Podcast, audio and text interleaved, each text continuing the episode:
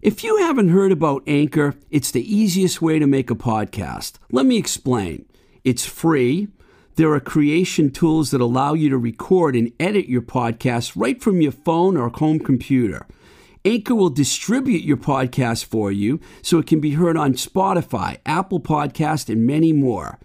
You can make money from your podcast with no minimum listenership. It's everything you need to make a podcast in one place. Download the free Anchor app or go to anchor.fm to get started.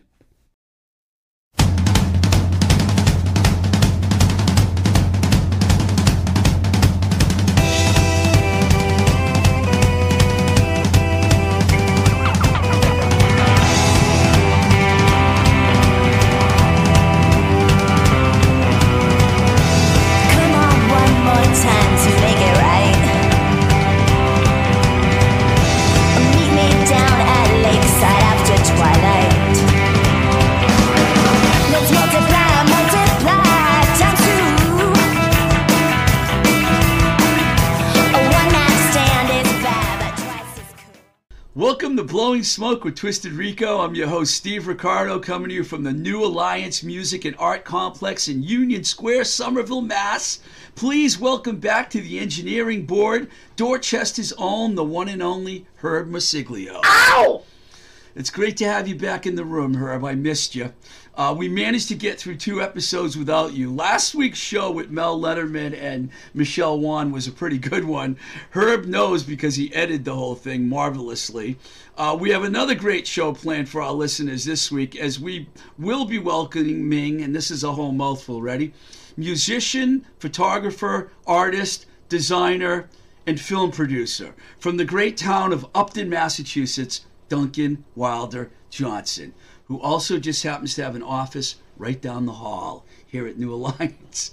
Uh, before we bring Duncan to the show, I want to thank our patrons, as I do every week, who have been supporting us on our Patreon page, which is located at patreon.com forward slash twisted rico. Please consider coming aboard and supporting the show. Right now, I'm in the process of adding another tier to the page, which will get you a free blowing smoke with Twisted Rico t-shirt. If you're watching on video, you'll probably see that. It's printed by our sponsor JLS Design. It's a shirt which features an old photo from 1985 of yours truly with Bobby Dall from the Glam Rock Kings of Noise, the Glam Slam Kings of Noise, Poison. I almost said their logo wrong. I mean, they're they used to go by that. I had a shirt that said the Glam Slam Kings of Rock. I think I'm getting it wrong again, but I'll have to look it up. It was a long time ago, man, you know. Uh, so please stay tuned to that. I wanted to talk about a few things um, about the art reception that took place here this past week because I had mentioned on the last show that my art was part of a group show with a bunch of local Boston based artists, including Alvin Long, Dave Tree, Wayne Valdez, and a host of others.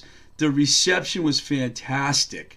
Lots of cool people showed up, but I have to mention how awesome it was and how surprised I was when my old friend David Alex Barton and his wife Susan walked in the room.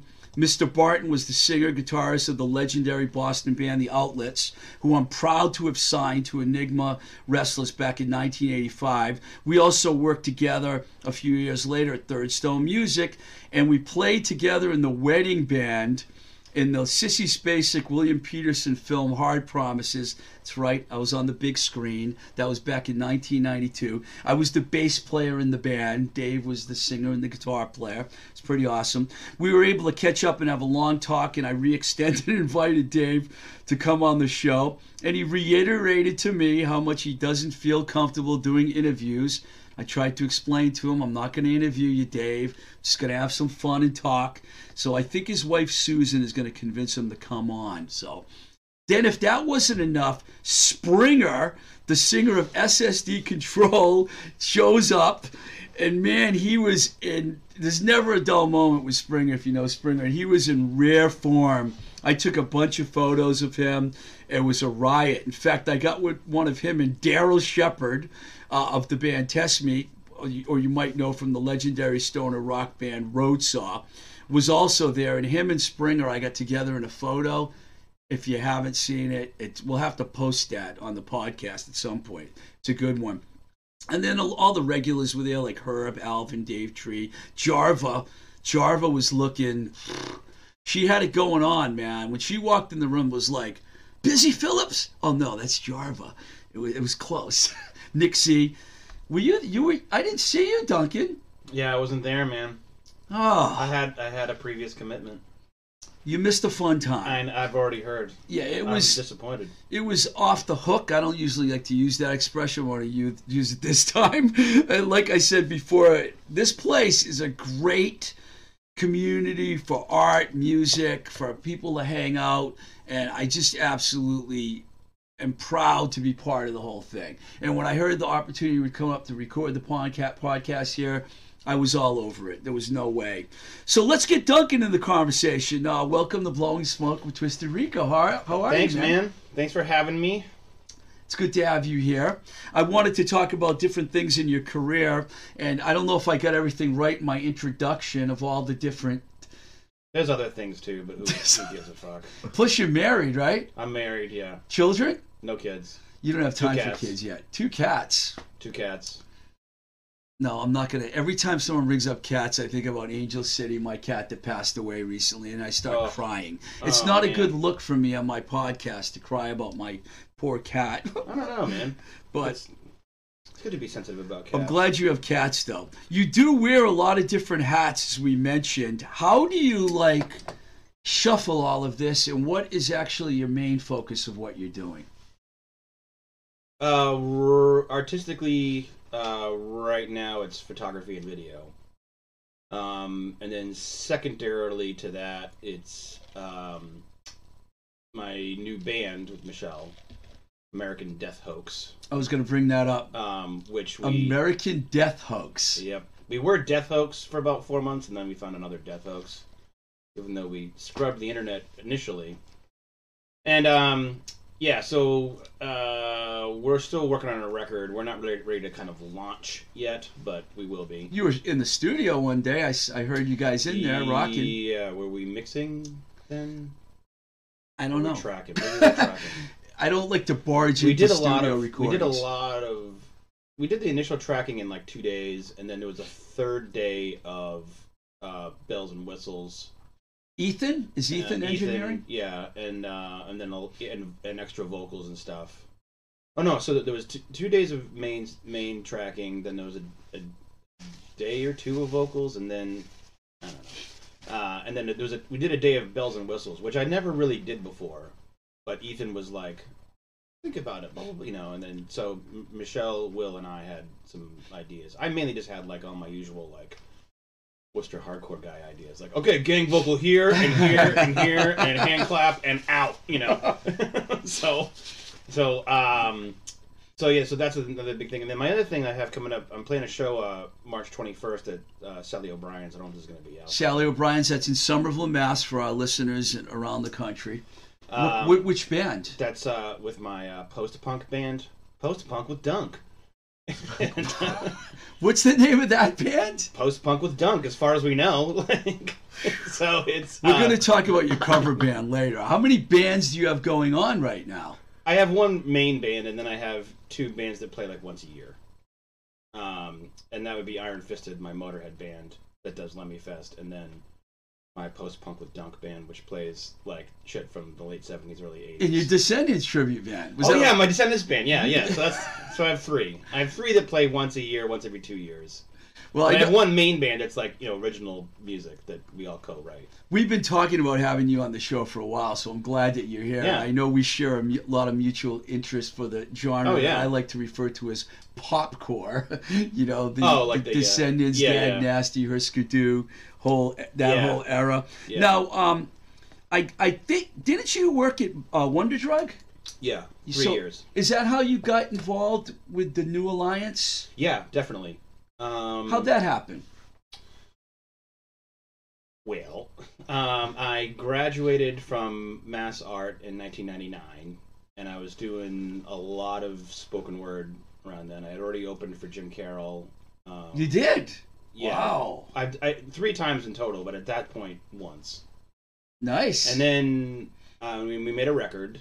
We made like a like a compilation spoken word record. Me and these three other dudes, Rich Mack and Clay Fernold, aka Clay Inferno, and uh, Tony Flackett. Oh, Clay. Yeah, Clay. Clay that was the booking agent and was also Yep. the humanoids. He was in the Humanoids for the first like I love eight Clay. years or something. Great Um, guy.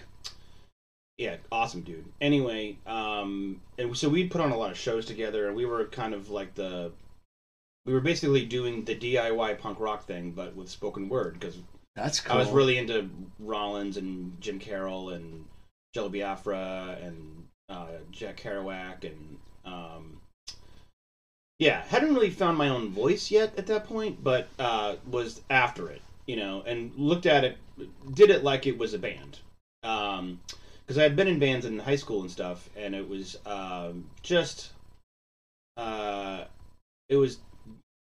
A lot of it had to do with me being young, but it was it was very difficult because it See- was it was just you know like you know four people to make a decision and like you know and I wasn't great with patience at the- time and um, so I kind of fell into the spoken word thing as like an alternative to playing in a hardcore band. You you- you mentioned high school, and that means I have to mention Upton, Massachusetts. And the main reason I'd mention that is because someone that I worked with for a long time is also from Upton, David Minehan Yeah. from the neighborhoods. Yeah, he went to high school with uh, my aunt and uncle. Really? Yeah. Now, what's that? Like Blackstone Valley No, Tech or something No, like that? that's or- that is in Upton. That's the vocational school, but we all went to Nipmuc, which was Nipmuc which at the time was in Mendon and is now in now in Upton. Only us mass grown people, like I'm from Webster, Right. would know that Yeah. where Nipmuc is. Yeah. Because I'm from Webster, the home of the Nipmuc Indians. Okay. with the Great Lake, which I'll attempt to say, but I'm sure someone will tell me I say Yeah, it wrong. Webster Char Chargagagaga Man Chagabunga Mog.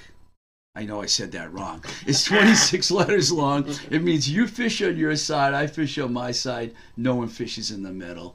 Nipmuc No Indians. shit. Yes. I didn't know that part. I never would have brought that up if you didn't bring up Nipmuc. Well, it's it, it is my truth. Nipmuc Regional High School. So, um, Wonder Drug. so, so after so after graduating uh, Mass Art, and um, the day after I graduated Mass Art, I opened for Jello Biafra in Chicago. Wow. So I was like, I was kicking ass, you know. I didn't know any of this. Yeah. That's fantastic. and um, and uh, I had a girlfriend who I'm also now married to. This is that's a whole other story. But- Congratulations. But we, but we but we broke up. We broke up around then, and then didn't see each other for ten years. So I had like a whole other life, and she did too. You know.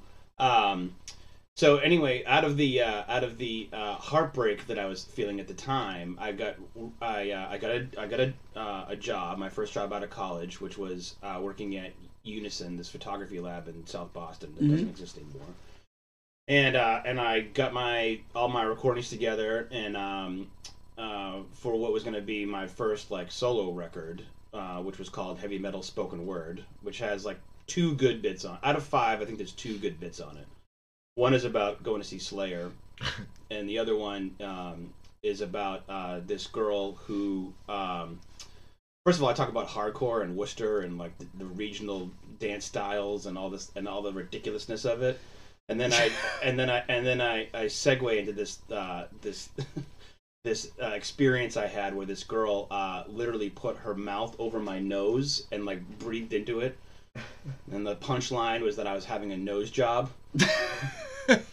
So, and then I did I did that bit when I opened for Jim Carroll at, at Mass Art, and so it was like 500 people, so it's like this roaring laughter. It sounds fucking great, you know. Nice. Good for the ego. Good for the 22 year old ego.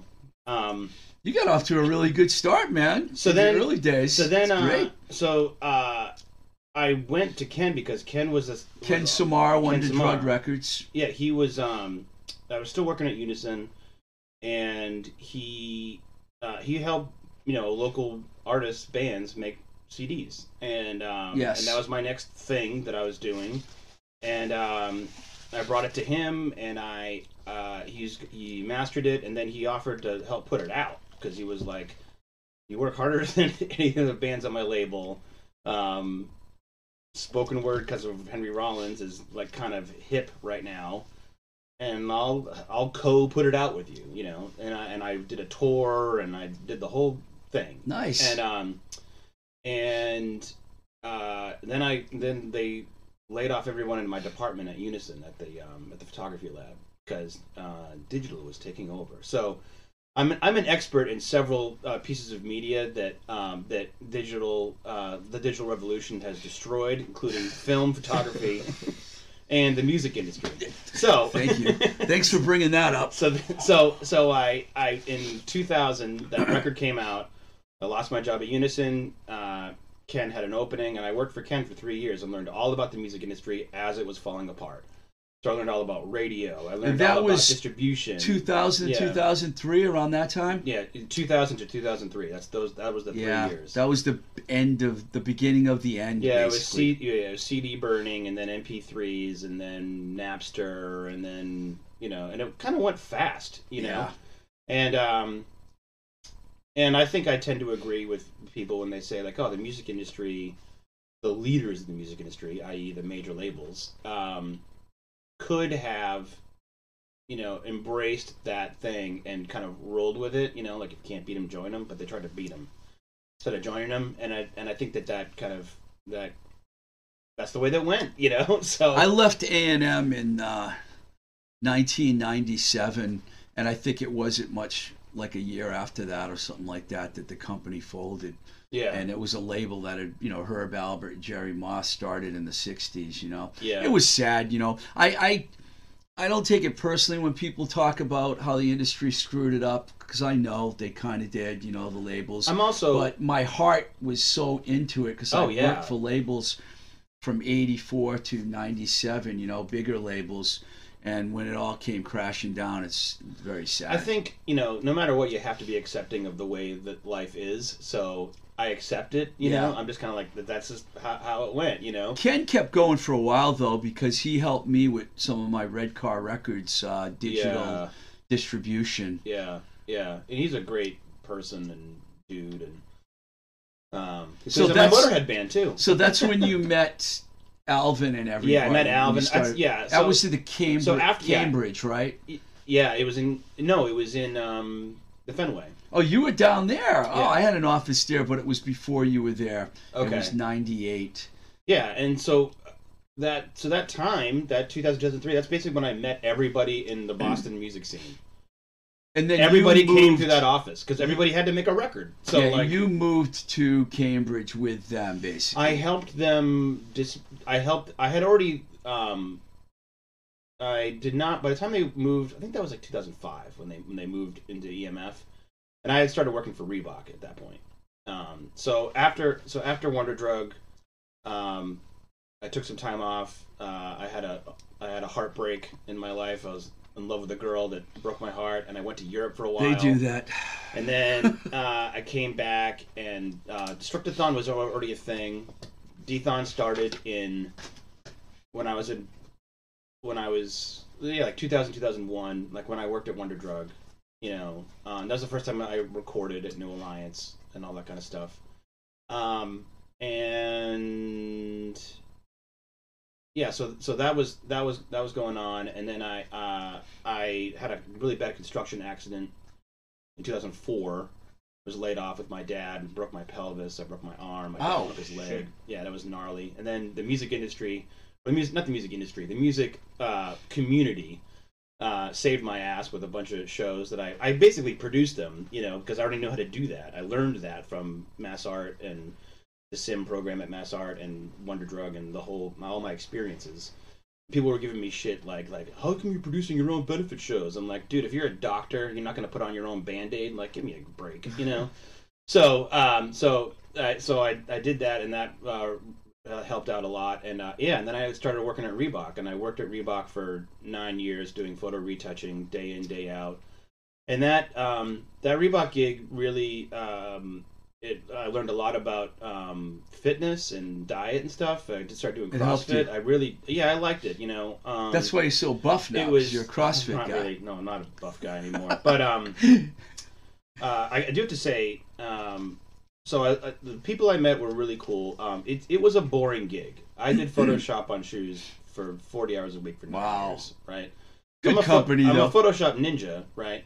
And then uh, just like Unison, they one day they just laid off the whole department, Uh. and um, and I uh, tried to get another gig. Thought I'd pr- be pretty successful with it because I worked at a big company for Right. for a long time. You know, could not get a gig to save my life. Just couldn't get arrested in the design scene in Boston at that time for whatever reason, and um, and really thought about it and kind of had to reinvent myself. And I just said to myself, you know, when I was at Reebok, there's people there that loved design, like were fucking into it, you know.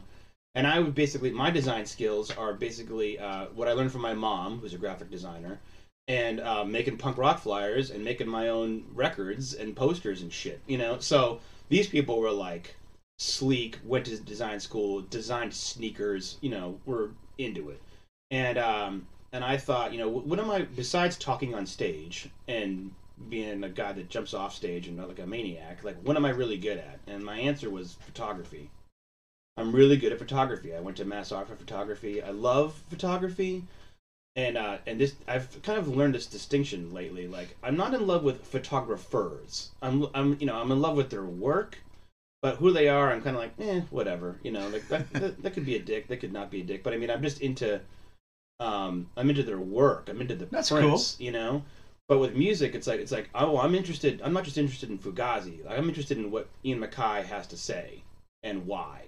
Like I- you know, so You're there's- geeking out like there's me, a- man, there's a- yeah, every there's- little thing. there's a, there's a thing about music and punk rock especially that I find like really authentic and community and a, and a community of misfits and um, Yeah. and pushes boundaries and is politi- politically minded and entrepreneurial and uh, and really thinks it's smart um, and has its own uh, com- you know community and its own like mix of politics and conversations and everything. Um, and in photography, it's like I'm really more about like I just want to make really fucking great pictures, you know. and you have, and you have. Uh, I'm going to segue a little bit here. Okay. Uh, you made a great film about one of Boston's most notorious bands, Sam Black Church, and uh, it's entitled "Leave Behind a Groove in the Earth." Can you see that, Herb? Uh, I'm a huge fan of music documentaries, and I absolutely love this documentary. Thanks. Uh, tell us about how the whole project came to, came together, and did it really take you ten years Eleven. to do it? Eleven years. So, tell me a little bit about how it all came together for you. So a couple of reasons why it took me 11 years are a I had, knew, had no idea what I was doing. Uh, B I was also in Destructathon and another band called Kill It All Away, um, and then Destructathon again during most of that time. Uh, and uh, I was also operating on uh, a very old uh, eMac, an educational Macintosh, to like digitize all the stuff. So you know you can only did you took a VHS tape and, from the '90s and you digitize it, and you only get like four minutes at a at a time before the RAM just conks out. So a lot so of you had that, some technical things. there was you need to technical stuff. There was me like not having a clue how to make a movie, but that's the punk rock sort of thing, you know. like like you don't have to be good at it; you just have to go and do it, you know. Were And I- you close to the band? well, I was a super fanboy as a high school, Yeah. and you know in high school and college, and so I mean, I mean the first day of of ninth grade. This girl Erica Long said, "You're going to go see Sam Blackchurch at the WAG on Ninth grade. on Got an early on start. Saturday, and I was like, I don't know who's that. Oh, I'd already seen like I already seen like Eye for an Eye, and when I was so when I was twelve, I got, I got to say this story. So when I was twelve years old, uh, I was in love with this girl in the back of the bus named Mary Beth Benina. We're friends. Anyway, uh, she liked Whitesnake and Motley Crue and Poison and uh, and Aerosmith and shit like that. So I became an expert on that stuff, and I was into skateboarding. And I, I listened to fucking all this hair metal shit, right? And then uh, my Hair metal shit, he called it. It's okay. I don't care. I won't take it personally. and uh, and then Not that I'm the ambassador for the hair metal movement or anything like that. I just I have a good to, poison story. But I I'll tell you just happened to be on the Sunset Strip in You did, 1984. yeah. you You. I can't fault you for for any of that. And um, and so my mom, who was a graphic designer in in town at the four in the Fort Point Channel at a company called Altman and Manley, like said to her coworker, "My kid's riding a Powell Peralta skateboard and listening to fucking." You know, do this like a lady and shit, and uh, and he's like, oh, I, sh- I should make him a mixtape. So he makes me this mixtape called Born to Skate. First song on it is "Possessed to Skate" by Suicidal Tendencies, Oh wow! and this tape like changed my life.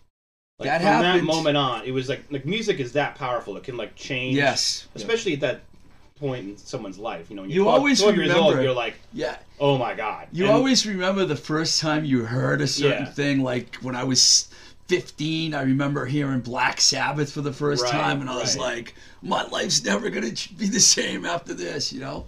and uh, yeah, so uh, and I it was not popular with my peers in in like you know sixth and seventh grade, and so I felt like I had this like secret that you know and and uh, and it was mine, and like you know now I look at it and be like, oh, that's called not having a marketing budget, you know, but like but uh, but at the time I felt I felt like oh, it's like you know nobody really knows about this. It's like it's an older thing. It's a cooler thing. It's like a city thing, you know, because I grew up out in the woods, and um, and you know, and then it turns out my aunt is really into it, so I got took all of her twelve inches. So I'm into like the Cure and the Sex Pistols and the Circle Jerks and Black Flag and the Repo Man soundtrack, Education. all this shit, you know.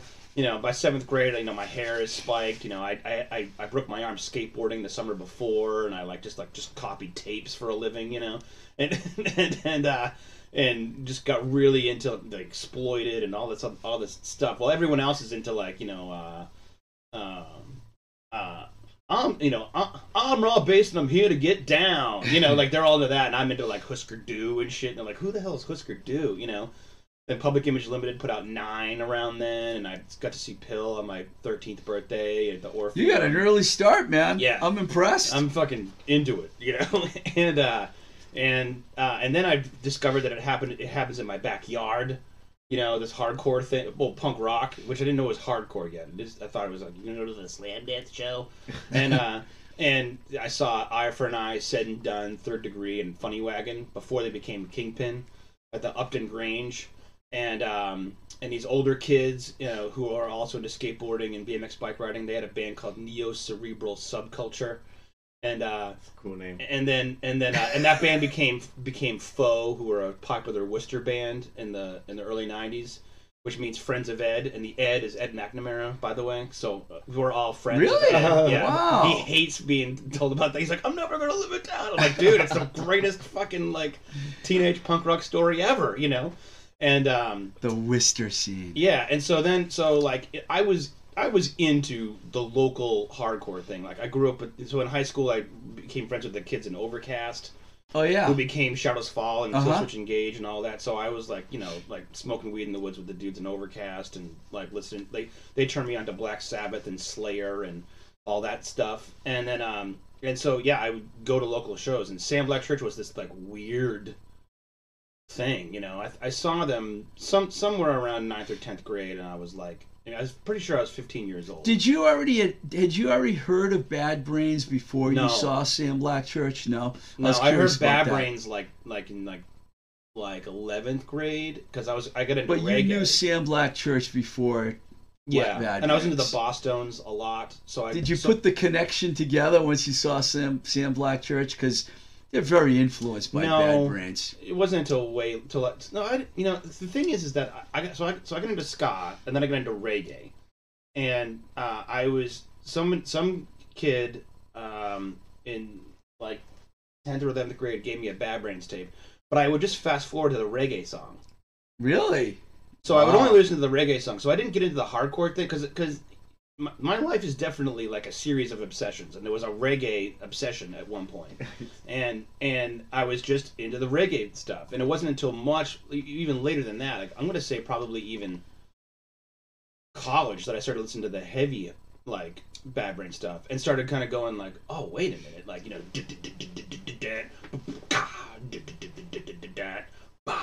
like all the rig, you know, reignition, the eye against eye, and then rock for light. I, I've kind of, I kind of found some of those bands that the kids got into, other kids that are my age that got into the stuff the same time I did. Like when they were in junior high, they heard the Misfits, but I didn't hear the Misfits until I was like 22. So uh, there's certain bands that like I didn't.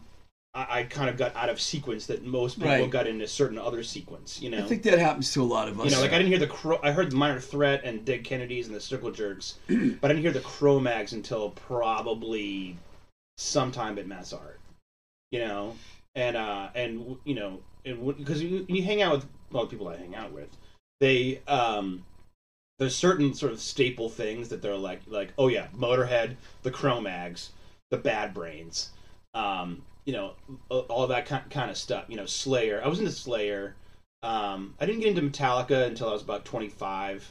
Um, the girl that I was in love with got me into Metallica, and Duncan Wilder Johnson's all over the place, man. yeah, I can't. Have, I don't even know why I wrote a script for this show because I still don't know why he made the documentary, but I'm sure we'll get to it eventually. Okay, so so so the local the local thing is happening, right? So I'm going to the local the, the local things. I'm trying to have a band. I had a band in high school called After the Fact. We played at the Espresso Bar a lot. Ah, I remember the espresso bar. we opened bar. for Sam Black Church at the at the at St. John's Gym. Uh, Can I just tell you about the espresso bar for a Yeah. second? Three and a half girls, the first band I ever managed. whom I love, by the way. They were awesome. Band. That's how I met you. Oh, We'll, oh. talk, we'll, we'll talk about that in a second. So anyway, Well, three and a half they were part of the Bar. hardcore scene, you Yeah. know. And they played a show out there. It was a big show with a bunch of bands. And there was a bad, ugly incident that happened, and this guy ended up getting beat up by the Oh. bouncers. I got a dep- I got deposed, got a deposition Oh, because they thought I was one of the promoters because I managed the band. Uh, and the guy sued the club. the but I- Espresso Bar. Yeah, Ooh, but I actually took the side of the club because he started the fight. This guy, Oh. he was just getting out of control in the pit, and uh, I, that's what I remember the most about the espresso bar. But I used to love that place because it was a a lot. no alcohol, but it was always packed. Like kids would show up, and Worcester had a really good scene at that point. I was working with Chillum, uh, Yeah. Eric's band, Yeah, Eric. and Eric you know, so I got I spent a lot of time there, but I didn't mean to uh, hijack your story, but. I, this, this, I remember the. I actually go to that building all Yeah, the time really? because my friend Dave Spaz, who's in the Liars, and Oh, cool. he's in Little Big Wheel. They rehearse in that building. I was No just there the other night. Wow. There's a lot of other things in that building. I don't know which room used to be the espresso There bar. There were two. There were two espresso bars in that same building. Yeah, in it's like an Auburn Worcester line, right? Yeah. yeah. Go ahead. I'm sorry. So you were there. Yeah, I ruined so this story, Did a but- did a, did a, hung out there a lot. Um, anyway, as as time has gone on, I've always sort of like had bands or done spoken word or been this like local slash touring punk guy. Yeah. And um, somewhere there was the Destructathon had a hiatus, and we uh, I had another project with the drummer at the time called Kill It All Away with him Pacheco, and we made an EP. And on the, the idea of the EP was we had guest vocals on every song, so there's five Nice. guest vocalists. One of them is Jet from Sam Black Church.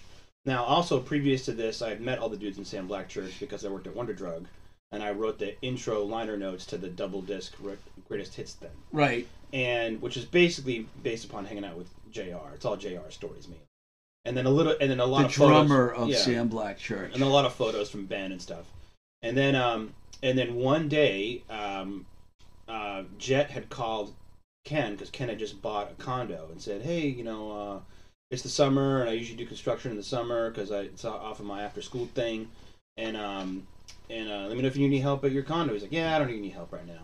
And he had just moved to Milford, Mass, next to Upton. Route 16. Uh, yep, 140, Route 16, 485. Get after it. Anyway, um, and I, I was like, oh, re- like that, you know, the lead singer of my favorite band like needs a construction gig. So I called my dad, who's a carpenter, and uh, and he's now the building inspector in Upton.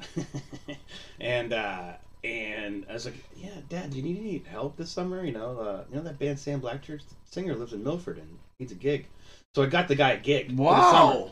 and he like became friends with uh, this other guy Chip, uh, Chip Kent that uh, that my dad works with who's a bicycle fanatic and so Jet and Kent, Chip are big bicycle people and um and before I had that construction accident you know I did work with Jet like for a summer you know and uh, You got to know him. got to know him and got to goof off and you know recite like Monty Python and the Jerky Boys and stuff like all summer and it was really a cool experience.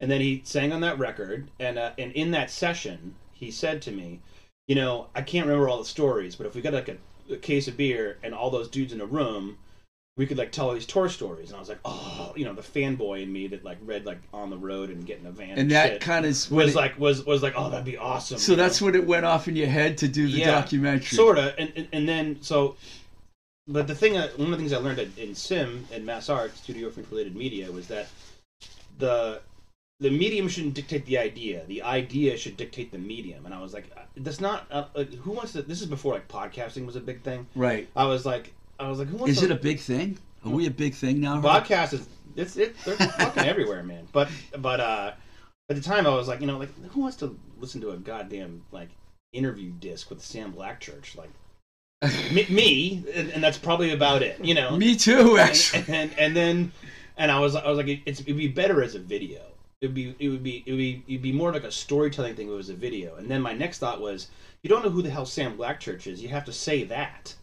So that was why I kind of You did a great the job, doc- man. Thank you. Made, made the doc because I had to kind of say like, this is who Sam Black Church is, and this is why you should care, and then this is what happened to them. Well, and this is and to answer the question of why weren't they huge, you know, um, I had to kind of try to answer that, which is not totally answerable.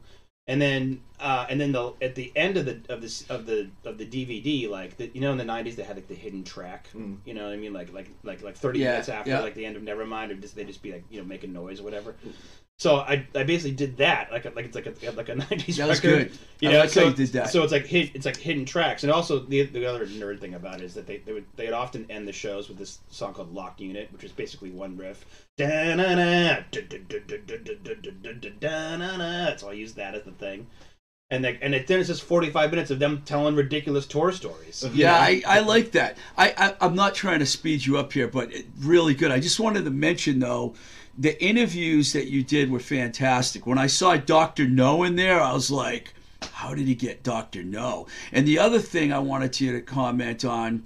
Besides the interviews, was did you ever actually get to speak in person to Curtis Casella from Taang! Records? People that don't know why I'm bringing him up, you'll have to watch the documentary or do a little research. But Sam Black Church was signed to Taang! Records, and then Geffen was interested in them, and there were complications, and the deal never happened. And a lot of people blame Curtis for it. Curtis is a friend of mine. I've known him. We were in radio together in the eight in the early '80s. You know, at WICN in Worcester, believe it or not. Oh, cool. And you know, I've known him for a lot for a long time. I know there's a lot of problems about the way he does business and whatnot. But did you ever actually speak to him? Because you used quotes. Yes, I, I did speak with him. So, first of all, I'm not going to shit talk Curtis. I buy a lot of You his don't have to. I don't want you to, Um, anyways. And I'm not. I'm not bringing it up. I'm a big because Stones fan. yeah, I like Curtis too. So and, and um, Lemonheads. and yeah, and I don't really know him well. Um, he was always kind of like like explained to me as like this like hard to work with person, and um, and according to Sam Black Church, you know, like he kind of ruined their chances. Um, I did speak with him on, on the phone a few times, um, and he he didn't want to do an on-camera interview. He only wanted to do those. He's like, send me the questions, and I'll give you the answers. So it's only text. And then as I got further and further into the documentary, I want I really wanted him to kind of like say his say his case. You know, like this is what which was everyone's good. saying. You let him have his. I'm like, word. what do you like? You know, but but honestly, like he ignored me for like six months to a year, and um, and it was only by happenstance that like I finally got a got like the answer to kind of move on without him, which was that, yeah, I think it was a, as a TT's, and um, talking to Barry Height, he's like, "How's your Sam Black thing going?" You know, I was like, "Oh man, I'm waiting on Curtis."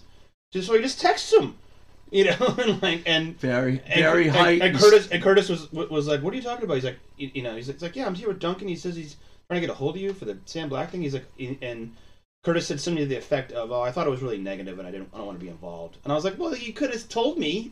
like, Right. so I had to move on without him, and and um and uh you know I had to find some people who could say some cool things about Curtis, which his his uh, employees, uh, Cornelia, Yeah, they were nice. and- they were and very Chris nice in the video. were like were like we're like no, it's the best job I ever had. Like I really Cornelia from- was with him from- for a long time from- too. Yeah, like you know, um, I wish Spore had a really good um, experience on Taang! with Curtis. Um, I didn't know that when I made, made the doc. I found that out uh, much later, and uh, I kind of wish I knew that so I could. could You know, Chris in. Negretz comes around often, the drummer of Spore. He was also the Oh, drummer yeah. of Caged Heat and Mona. We just had Mel Lederman on last week who played Yeah. in Victory at Sea with Mona from Right, uh, right. Spore. Yeah, I think they did pretty well at. A lot of bands have done well at uh, Tang. Yeah. So, um, I like the so label. anyway, any anyway, um, uh, you know, I, I if I had my druthers, um, he would have been in it more. Um, I would have liked to have his opinion on it. You know, um, I did. I do have to confess, I did shit talk him about him on a Facebook post, and I had to like recant because like I'm not here to like. I'm not here. I'm not here to stir shit up, and I know for a fact that the Sam Black Church guys are like fucking water under the bridge.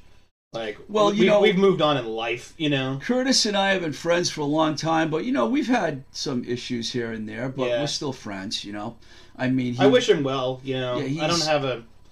I'm old it's a. Like, lo- it's a label that's been around for a long, long time, and you have to you have to give anyone credit that's still lasting at a record label. Oh Um, yeah. We're gonna play a song right now because we're gonna move along here. Uh, we're gonna play a track from your band Destructathon from the record Es Muerte. Es uh, muerto. Mu- Muerto. Uh, Because here it we was go again. Destructathon is dead because we broke up. Yeah, it was, Then we came back actually technically it was called Es Morto 2001 slash 2004. Oh, True. Yeah. here we go. We got.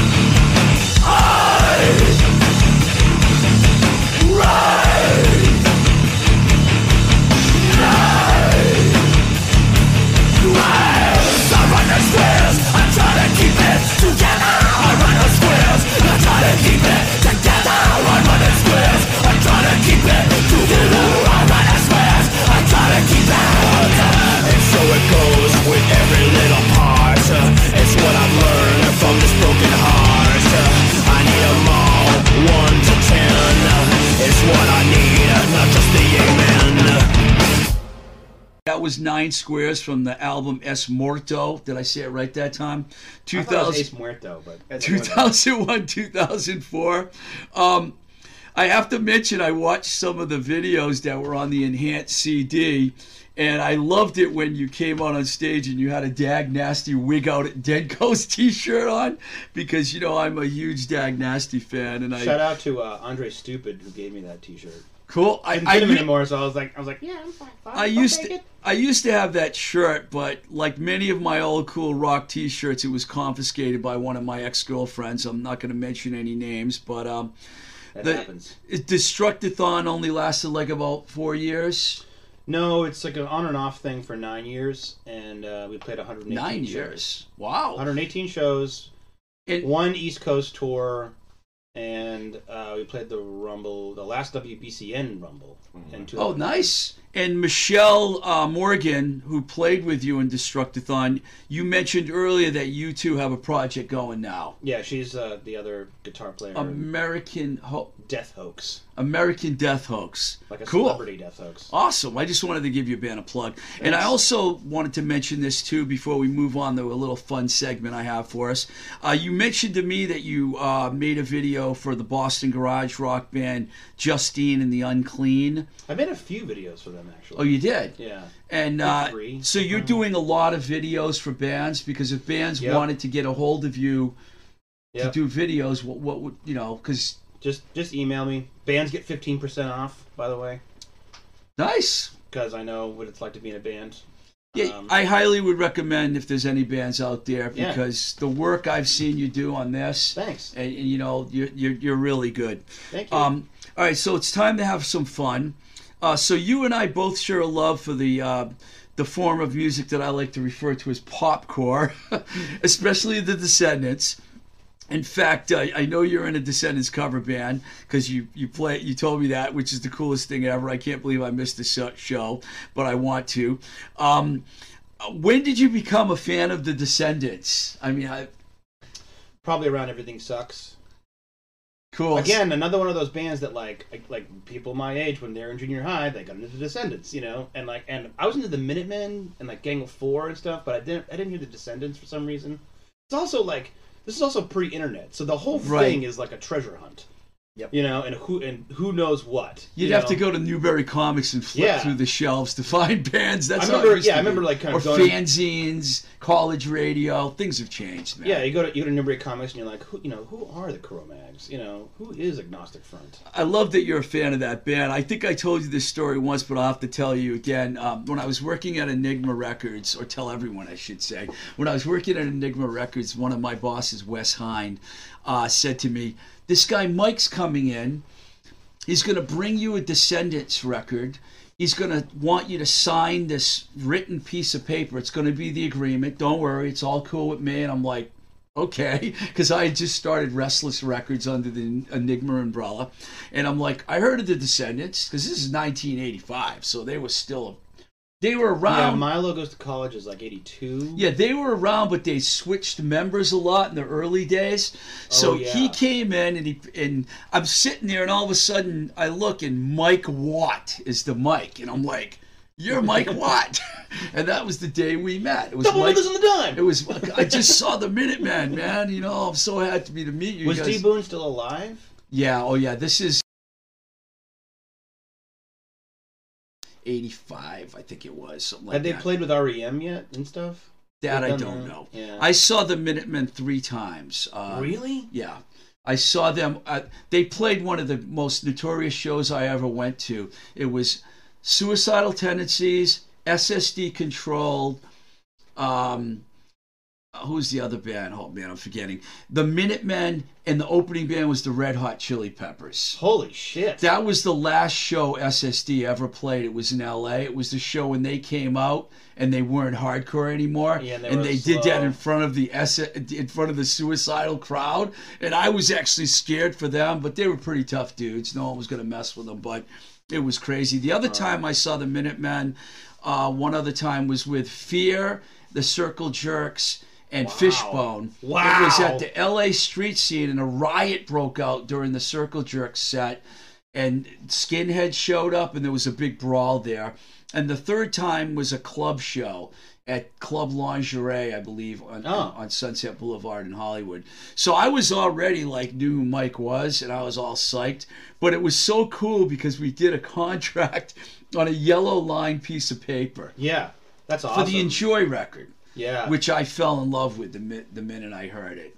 And I, I'm going to segue with this other story here because ironically, Doug Carrion was the bass player of the Descendents at that time. And a few years later, it was Doug and I that choreographed the signing of Dag Nasty to Giant Records. Of course, I had the blessings of Dag- Ian, yeah. Ian MacKaye, who I called on the phone and basically asked him if he would mind if I He's signed one of my band. favorite people in like I don't know him very well or anything, but I've corresponded with him, and he's one of my favorite people in like I've only talked to him on the scene, for lack of a better term. You I, know, I never got to talk to him in person, but on the Yeah. phone we talked several times about that. And then I went went on to put out the uh, All Ages show uh, Oh, cool. EP, and then the Field Day record. And you know, Doug was in in that band too, and I just wanted to mention that. So uh, for fun, I thought it would be cool for us to each list our five favorite Descendent songs. Okay. I don't know if which- keep it to Which is not easy to do because I have a long list. I'm going to do mine first because I'm the Okay. host, and you know I'm going first. Yes, dear. I hope. Thank you. Number one, "Get the Time" from the Enjoy Oh. album, which was written by Milo. Number two, "We" from Everything Sucks is probably the greatest love song ever written by Milo. Mm. Number three, "Thank You" by uh, from Everything Uh-huh. Sucks, which is um, Karl Alvarez wrote it about all the bands that he loved. And then I'm the One, also from Everything. Yeah. Everything Sucks is a great record. And then Coolidge from the All definitely. record. Karl Alvarez wrote that too. And then a tie for number five, Silly Girl from I Don't Want to Grow Up, which was um, written by Bill Stevenson. I also love the cover of Wendy, the Beach Boys Oh. cover on the Enjoy record. See, I want to do that too, but I want to sing it as Julie. Julie left me alone because our bass player's name is Julie, nice. but we haven't done it yet. So, do, do, so you're in a Descendents cover band, so you should be able Bandage. to whip. Yeah, bandage. I have a list. I have a list here of basic. It's called. uh It's called Bandage. Everything I'd want to play, and there's it's it's 57 minutes, so we're, we're not gonna have time for that. But all right, so you you have you, done your five? Have you? That's my. Well, I did seven actually. Did you do seven? I'm not good at keeping my list down to like the required number. Herb knows that. I always have to have a few extras. I love the Descendents. I didn't really spend a lot of time with "I Want to Grow Up" or "All," I but I enjoy Okay. and everything sucks. And the last two records they put out, I know very little about. But those two They're records, "Enjoy" and "Everything Sucks," are two of the greatest punk popcore records ever made. Ever. Okay, I, I like um I like the song Everything Sucks.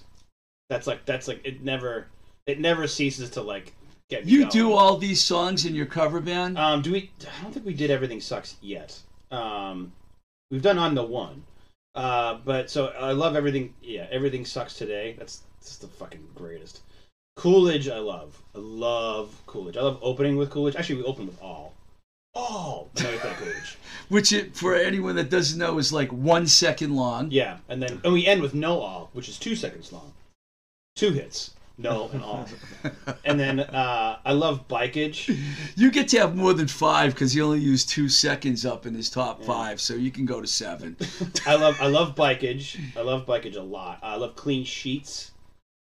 That's Um, enjoy from enjoy. Is that enjoy? Clean sheets is um oh, Sour gra- sour grapes is enjoy. I almost put I that think it's on. my on. I think that's uh I think that's Milo goes to college, but I have it on my thing here from the Somery record that SST put out, um, which is a summary. That's the movie. We're geeking hard on the Descendents right now. um, and you know, uh, new shit. I really like um uh, that song American. Have you heard that one? I've heard some of the the. They only they only put out like six records, I think total, right? Well, the live uh, Hall Rat, Uh, Hall Raker. Yeah, Hall Raker. Yeah, that's and then it's also Liveage too, Yeah. when which they do Wendy. So there's not very many records, I don't think. I don't. Know. Oh, I also love This Place Sucks. Oh yeah. That's a great song. Yeah. Well- this place sucks. No, no, no, Milo talking about you know just like hating his hating his like uh, biochemistry job, whatever. One last thing I have to mention. I'm going to ask you this question because um, you know Bill Stevens regarded as one of the great punk rock drummers. Don't you think it's about time he's regarded as one of the greatest drummers ever? What a drummer, man! The thing that Black really annoys Flags. me He was about in him Black Flag too, and he was great in Black is like Flag. is like you close your eyes, right? And I play. Trust me, I play a lot of air drums, so I, I know what I'm talking about. But when you when you when you close your eyes, you think that he is like just like an octopus of like wailing away, and then you watch him, and he's like all wrist. He's like whatever. No, but he does no those big deal. rolls, man. seven days a week. You know, and then like I saw him play in Flag, and I was like, same thing, You saw Flag. same thing. Oh. And I, Uh, I was like, he's, play, he's like playing like My War, and he's just like, whatever. So this was a Keith Morris, uh, um, Stephen Egerton, that the, the Yeah. version that just went out. So the Des Paradise Show, Cadena? I would have loved to have Dez, seen that. Yeah, Dez, does, Dez, you know, Keith walks off. Dez does like four songs, and then, and then, and, and Keith does like Rollins stuff. He does like My War and shit. You know, I don't think they did Black Coffee, but they definitely do My War, I watched. which is the Bill era. But I- all those dudes, like I'm reading, a, I'm you know, s- as slowly as possible, I'm reading yet another Black Flag book, and like all those dudes, like they're literally from the same neighborhood. So I gotta see- tell you one I got to other- see Chuck Dukowski play bass, and that was fucking awesome, man. I'm gonna go all the way back to Enigma and tell you that for a while, every Wednesday, Wes Hein and myself from Enigma would meet up with Greg, Chuck Dukowski, and Joe. Joe Carducci. Joe Carducci, we'd have Mexican food and drink beers, and just the two labels would get together and just Shoot hang out and talk. So I knew Greg and Chuck from hanging out and drinking Wow. beer and eating Mexican food. I feel like I, I don't know Joe Carducci that well, but I do feel like Greg Ginn and Chuck Dukowski are like fucking secret American geniuses. I don't I mean, think they they, did- they I don't think they get along anymore. I don't think they do, but but um, I don't think Greg gets along with many people. he Um, is a genius. I have He met him, and I was and I was like, dude, I love your guitar playing. He's like, oh, thanks, man. You know, but yeah, they are really great at what they did. I mean, un, he's weird too, man. He's like, you know, you know, he's, he's either on or off, all atonal weird shit. You know, I knew we'd be all over the place with this interview, but I don't have a problem with it. I love that whole SS, the whole SST thing that like. The Black Flag, Saccharine Trust, Circle Jerks, Minutemen, Husker Minutemen, Du. Husker Du, Dinosaur Jr. too, um, and then like the other other sort of like LA bands like the you know Fear, Fishbone, World, SST is a great label. Germs, X. It's. I remember when I moved to California in ni- January fourth, nineteen eighty four. The first they address put out I a, bad, a had, couple of Bad Brains records. yeah, the, uh, I Against I. The first place I lived was right on the Redondo Hermosa Lawndale line. I'm Oh, like, yeah. Lawndale, SSDs, SST, D, T, SST Records is in Lawndale, and then I was part of that whole. Oh man, brilliant. I'm jealous. I loved it. Well, listen, man, have been ten thank you. older. Thank you very much for coming down the hall. and, uh, you know, ladies and gentlemen, Dunker, Dunk, Dunker, Dunker. Duncan. I like that. You had a band called Punker Dunker, or something. I don't know. Post punk Duncan, with Dunk. there you go. Duncan Wilder Johnson. Thank Thanks, you yeah, very thanks much. for having me, man. Appreciate it. And thanks to Herb for engineering. Herb's the best. Uh, I want to thank our sponsor, JLS Design, and our friend over, our friends over there, Dave, Ron, and Jillian.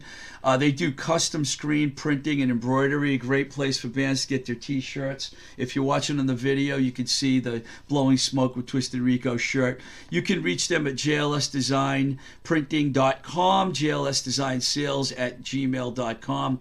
If you contact JLS and tell them we sent you, you'll get a 10% discount on anything you make. So uh, consider doing that. That was a fast and furious show. I loved it. Uh, if you want to get in touch with me, my email is twistedrico at gmail.com. You can also find me on Instagram at twistedrico and also find us on YouTube where we put some of these shows up on video because Herb likes to put them up and, you know, they come, they're pretty cool, Herb. So we'll keep doing it. And, um, Patreon page, which I mentioned, it's only a dollar a month if you want to sponsor us. This is Blowing Smoke with Twisted Rico. I'm your host, I, Steve uh, Ricardo. Can I give my little where to find me Yeah, thing? yeah, sure. You'll be the first guest to ever interrupt me in my final paragraph, but it's okay. Go ahead. uh, so uh, if you want to uh, check out my photography or video or hire me, uh, you can go to dwjcreative.com. Uh, dot com, and I'm on all the social media stuff, and I post on Instagram a lot. And then uh, What's for- your Instagram? Uh, I have two wh- at DWJ Creative. Okay. And then uh, if you want to check out any of my music stuff, it's thrashachusetts.com. And uh, you can find that on uh, Instagram at uh, at thrashachusetts617. Thank you. Thank, I'm, and I highly recommend Duncan. Otherwise, you wouldn't be here. Once again, this is Blowing Smoke with Twisted Rico. I'm your host, Steve Ricardo. Until the next time we say goodbye, we really, really, really, really love Busy Phillips around here. Hopefully, she's out there listening. Keep the rock and roll alive. Thank you.